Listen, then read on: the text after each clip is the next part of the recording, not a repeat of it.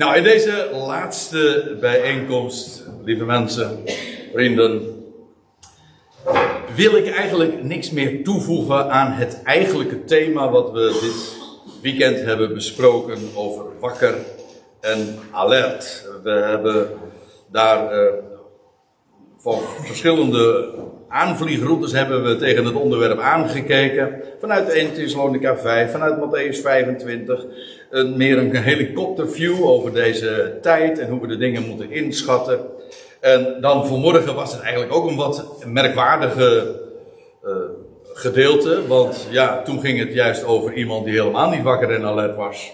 En toch, er klonk zo'n geweldig goed bericht juist in zo'n geschiedenis door. Nou, dat, ik hoop uh, dat dat uh, zo ook uh, bij jullie is overgekomen. Want het schept een enorme verwachting. Wat ik vanmiddag gewoon kort samenvattend nog eens graag wil onderstrepen, dat is het unieke evangelie dat wij mogen kennen. En dat meen ik echt zo enorm serieus en ik wil dat graag zo onderstrepen. Want maar weinigen uh, zijn zich, denk ik, ervan bewust, zelfs als je het evangelie kent, zoals de apostel Paulus dat mocht herauten, dan nog zijn er velen die niet echt scherp in de gaten hebben hoe uniek het is en hoe eigenlijk alles om ons heen, ik bedoel, en dan met name ook in de christelijke wereld, eigenlijk daarin een contrast vormt. En ook werkelijk uh, in tegenspraak daarmee is. En ik wil het doen aan de hand van een, een paar versen die we ook in de Thessalonicense brief aantreffen, maar dan het tweede hoofdstuk van hoofdstuk 2, waar Paulus trouwens ook erg spreekt over de. Eh, erg sterk spreekt, eh, spreekt over de, de verwachting, over, dat we, over die wegrukking, maar ook over de, die mens der wetteloosheid die straks zich gaat openbaren in de tempel. Maar voordat hij uh, kan verschijnen, voordat hij zich kan onthullen, moet er eerst nog een, ja, een afstandneming plaatsvinden. Maar er zal ook een, een, een uh, de weerhouder, de Ecclesia, die vandaag nog op aarde is, die moet worden weggenomen, weggerukt. En in dat verband zegt hij dan aan het einde van dat betoog, zegt hij in vers 13, en daar wil ik graag uh, mee uh, daar wil ik graag op aansluiten wat hij daar schrijft. Wij echter, zegt hij dan, zijn God verschuldigd altijd te danken omtrent jullie broeders, geliefd door de Heer.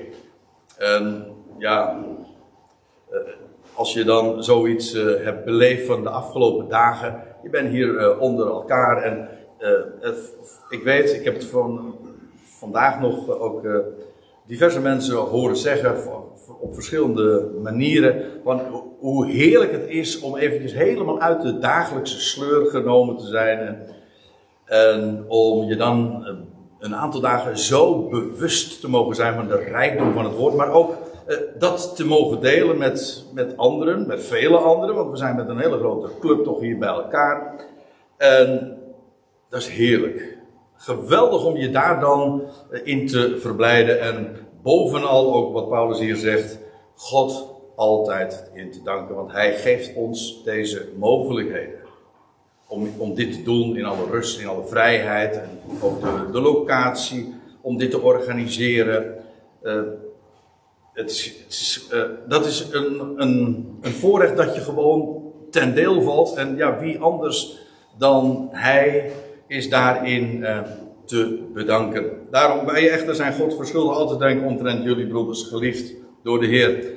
Uh, waarom? En dan zegt hij er iets bij. Hij motiveert dat ook in het bijzonder, omdat God jullie, zegt, schrijft hij dan specifiek hier aan de Thessalonikers, opdat God jullie uitkiest als eerste vrucht van oogst tot redding. Nou, over die redding hebben we het natuurlijk gehad in verband met die Ecclesia, die straks uh, van de aarde zal worden weggenomen, ge, worden geëvacueerd, gered zal worden voor de, van die toekomende toren die over deze aarde uh, zal worden uitgestort. En daarvan ja, worden wij als eerste, ge, krijgen we daar deel aan die redding. En, daarom, en Paulus zegt, het is God die jullie uitkiest. Ik weet voor sommige mensen die houden niet van het, uh, de, het gegeven dat God uitkiest. Waarom? Omdat ze vooral denken, ja, God kiest sommige mensen uit en die, worden, en die zijn dan goed. Uh, en die komen dan in de hemel en de rest gaat verloren en die gaat naar de hel. En met die gedachte, en er zijn er velen, ook hier, ik bedoel, we zitten hier in Maren, de Bijbel, is dit de Bijbelbel? Nou ja, in ieder geval er tegenaan. Hè? Maar in ieder geval, uh, waar heel sterk de nadruk altijd ligt op uitverkiezing en voorbestemming. En mensen krijgen de rilling op het, op het lijf. Het is een beetje een rare beeldspraak, terwijl we hier uh, in de warmte zitten. Maar dat, dat je zo bang wordt van, van dat idee, God kiest uit, ben ik wel uitverkoren, komt het met mij wel goed. En daar heeft uitverkiezing niets mee te maken. God kiest uit. Ja, waarom? Nou, zoals hier ook staat, omdat God jullie uitkiest als eerste vrucht van de oogst. Vanmorgen kwam het al op een andere manier even aan de orde dat God heel de mensheid heeft bestemd voor het leven, voor rechtvaardiging, voor redding. Heel de mensheid. Dat is nu juist het evangelie. God bestemt heel de mensheid voor tot redding. En dat, is, dat heet predestinatie. Voorbestemming, predestinatie. En dat is de waarheid. Dat is ook het geweldige evangelie. En dat heeft niets te maken met prestaties, want dat had God al lang in kannen en kruiken, als ik het zo mag zeggen, voor onze geboorte. Sterker nog, voordat de Ionen gingen lopen, voordat deze schepping tot stand was gekomen, had God dat plan, dat voornemen. En dat gaat hij vervullen. En dat staat volledig los van wat wij vinden, wat wij denken, wat wij presteren of wat wij uh, aan wanprestaties leveren. Genade om niet. God heeft heel de mensheid daartoe bestemd.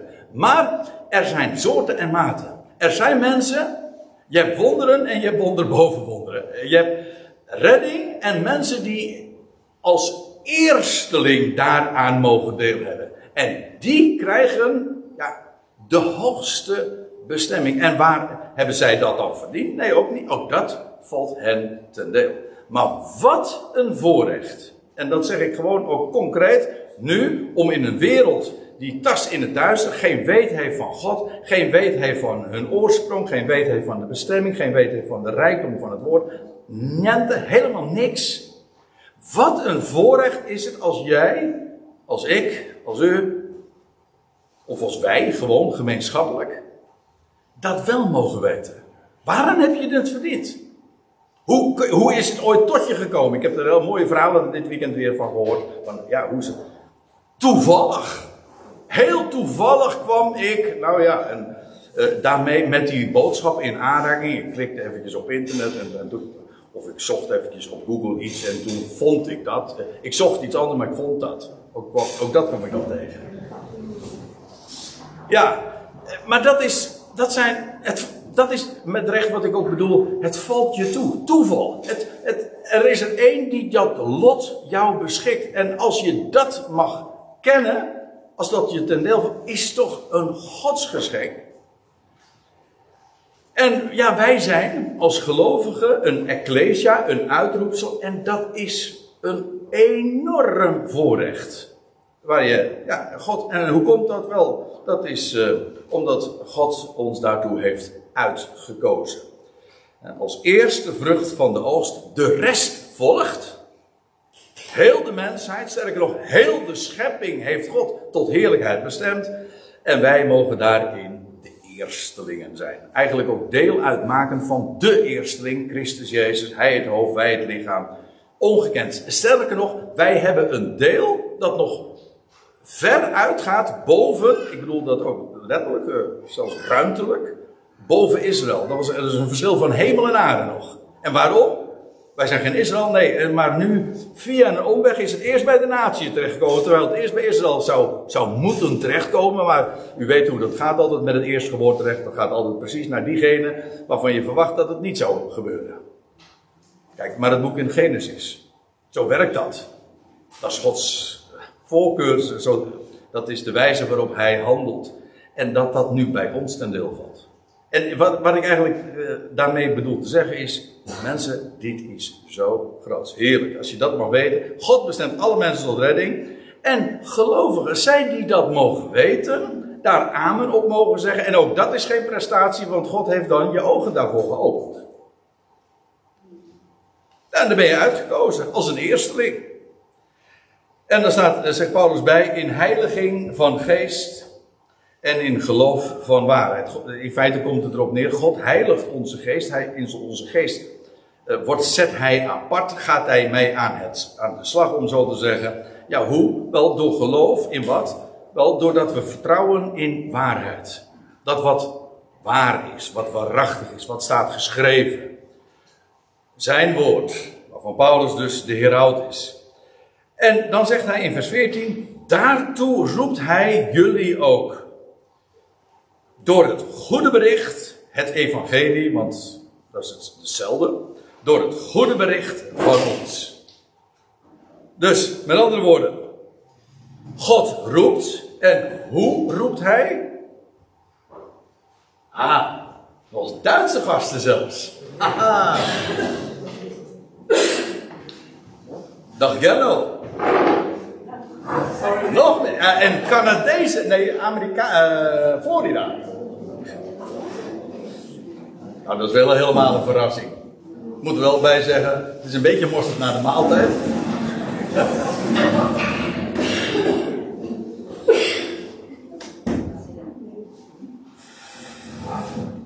Gerno en, uh, en Iris uit Duitsland, hartelijk welkom. Ja, we, we, zijn bijna klaar. Sorry. Ja. En zij, Gerno en Iris die zijn heel druk bezig, uh, doende met, uh, met Duits concordant vertaalwerk. Um, dat is geweldig wat zij mogen doen. En, nu zijn ze een, weekje in, Duits, in, in, Nederland te gast. En ook nog vrienden van hen in, uit Florida, toch? Ja. dus ja, het wordt een internationaal samen zijn hier. Hè? Mooi zeg. Ja. Maar weet u, kijk, om eventjes weer ter zake te komen als het gaat over dat waar ik het nu over heb, is God roept. Hoe, en hoe roept hij? Wel, hij zegt door dat evangelie van ons. Dat wil zeggen, zo, zoals Paulus dat predikte. En let op, dat is echt uniek.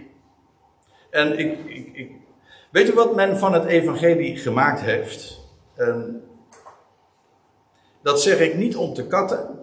Dat zeg ik ook niet om eventjes uh, een, een, een hele grote groep eh, weg te zetten, minachtend, maar wel om duidelijk te laten zien wat het contrast is. Men heeft van het evangelie een, wat een goed bericht is, een mededeling. En de mededeling is heel simpel. God is jouw redder.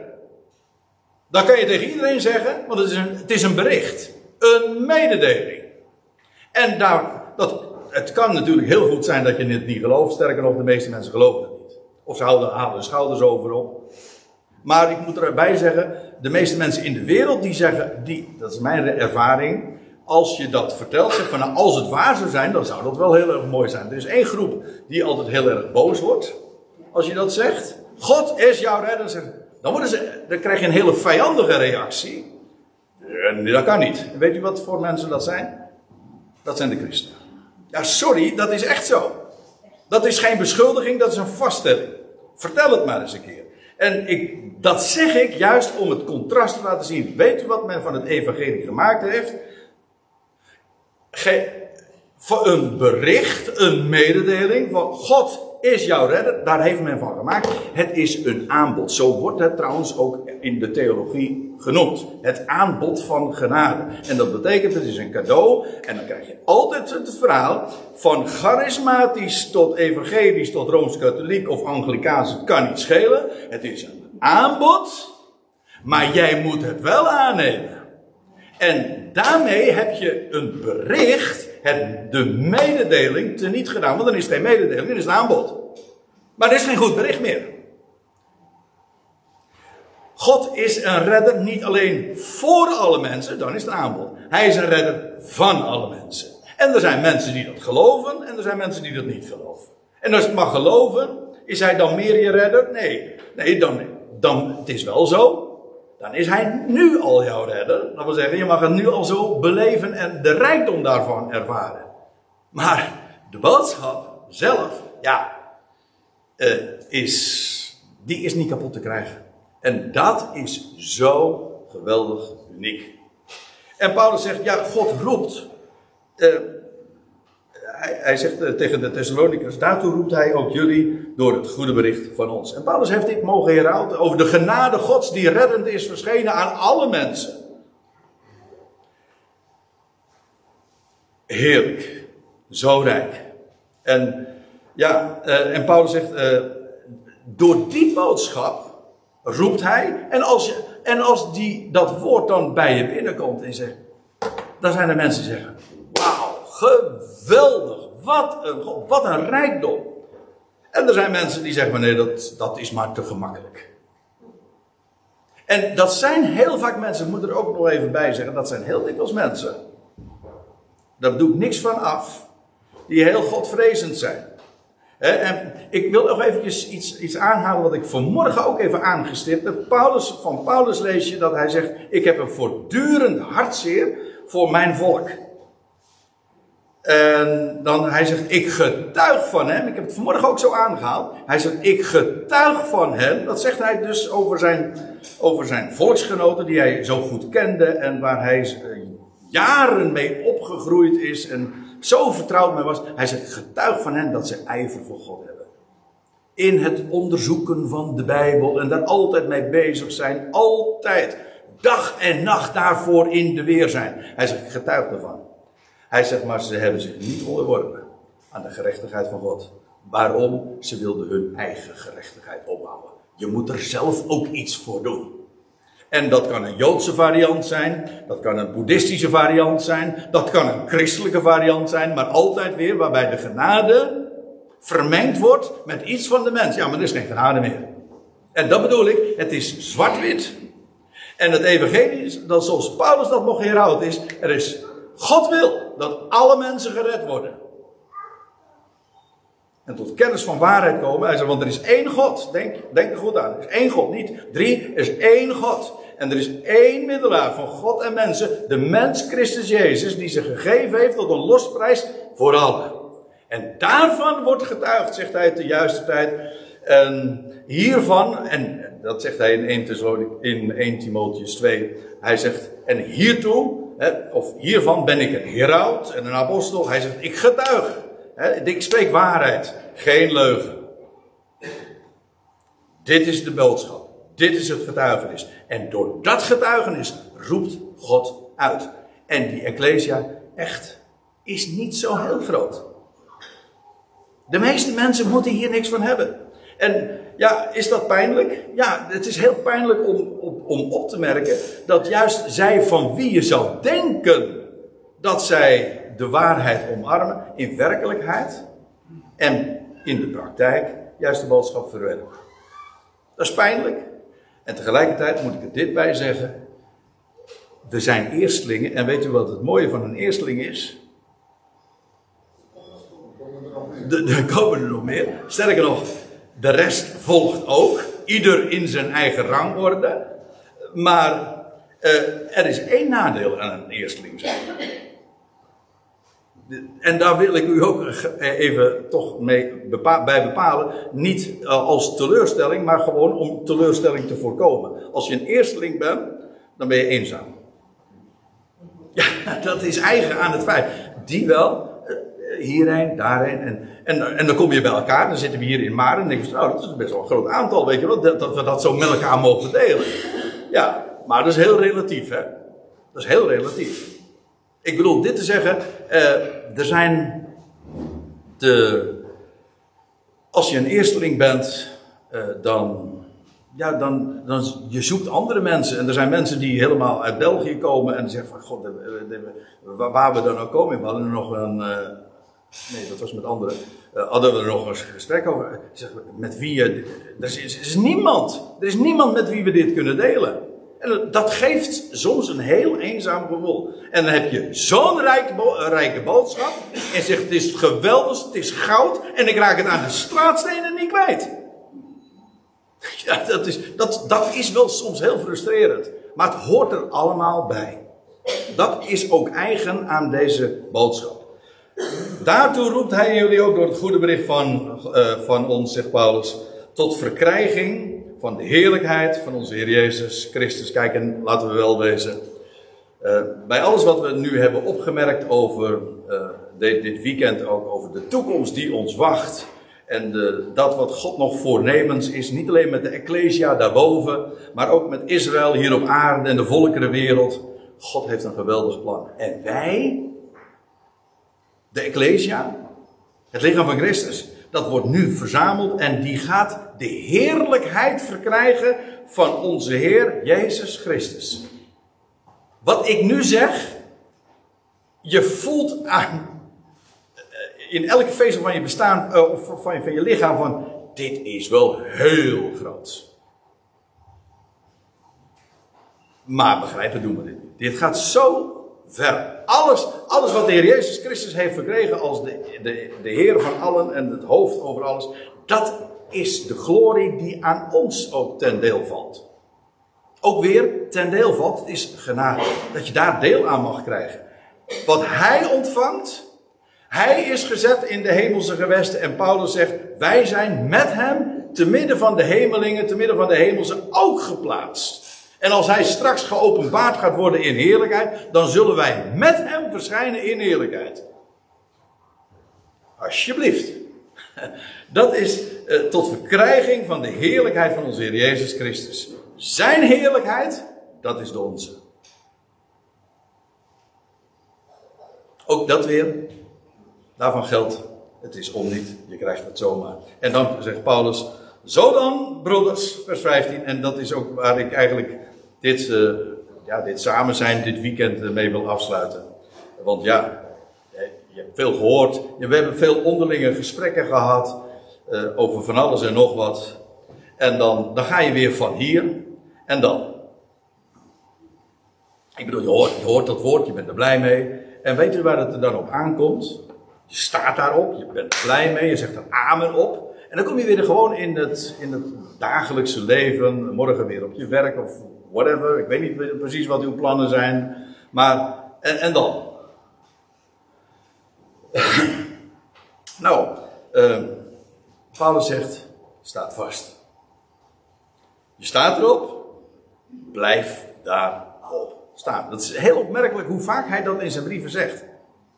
In, in, de, in, 1 Corinthië 15 lees je dat ook, dat hij, dat hij zegt van ja, hij, heeft ze vertrouwd gemaakt met de waarheid dat God Christus Jezus uit de doden heeft opgewekt. En hij zegt, ja, jullie staan daarin, maar jullie laten je gewoon heel gemakkelijk daarvan afbrengen. En dan, zeg, en dan sluit hij een heel lang hoofdstuk af van, zo dan mijn broeders, wees onwankelbaar, staat vast. Niet alleen maar sta erin, maar blijf daarin staan.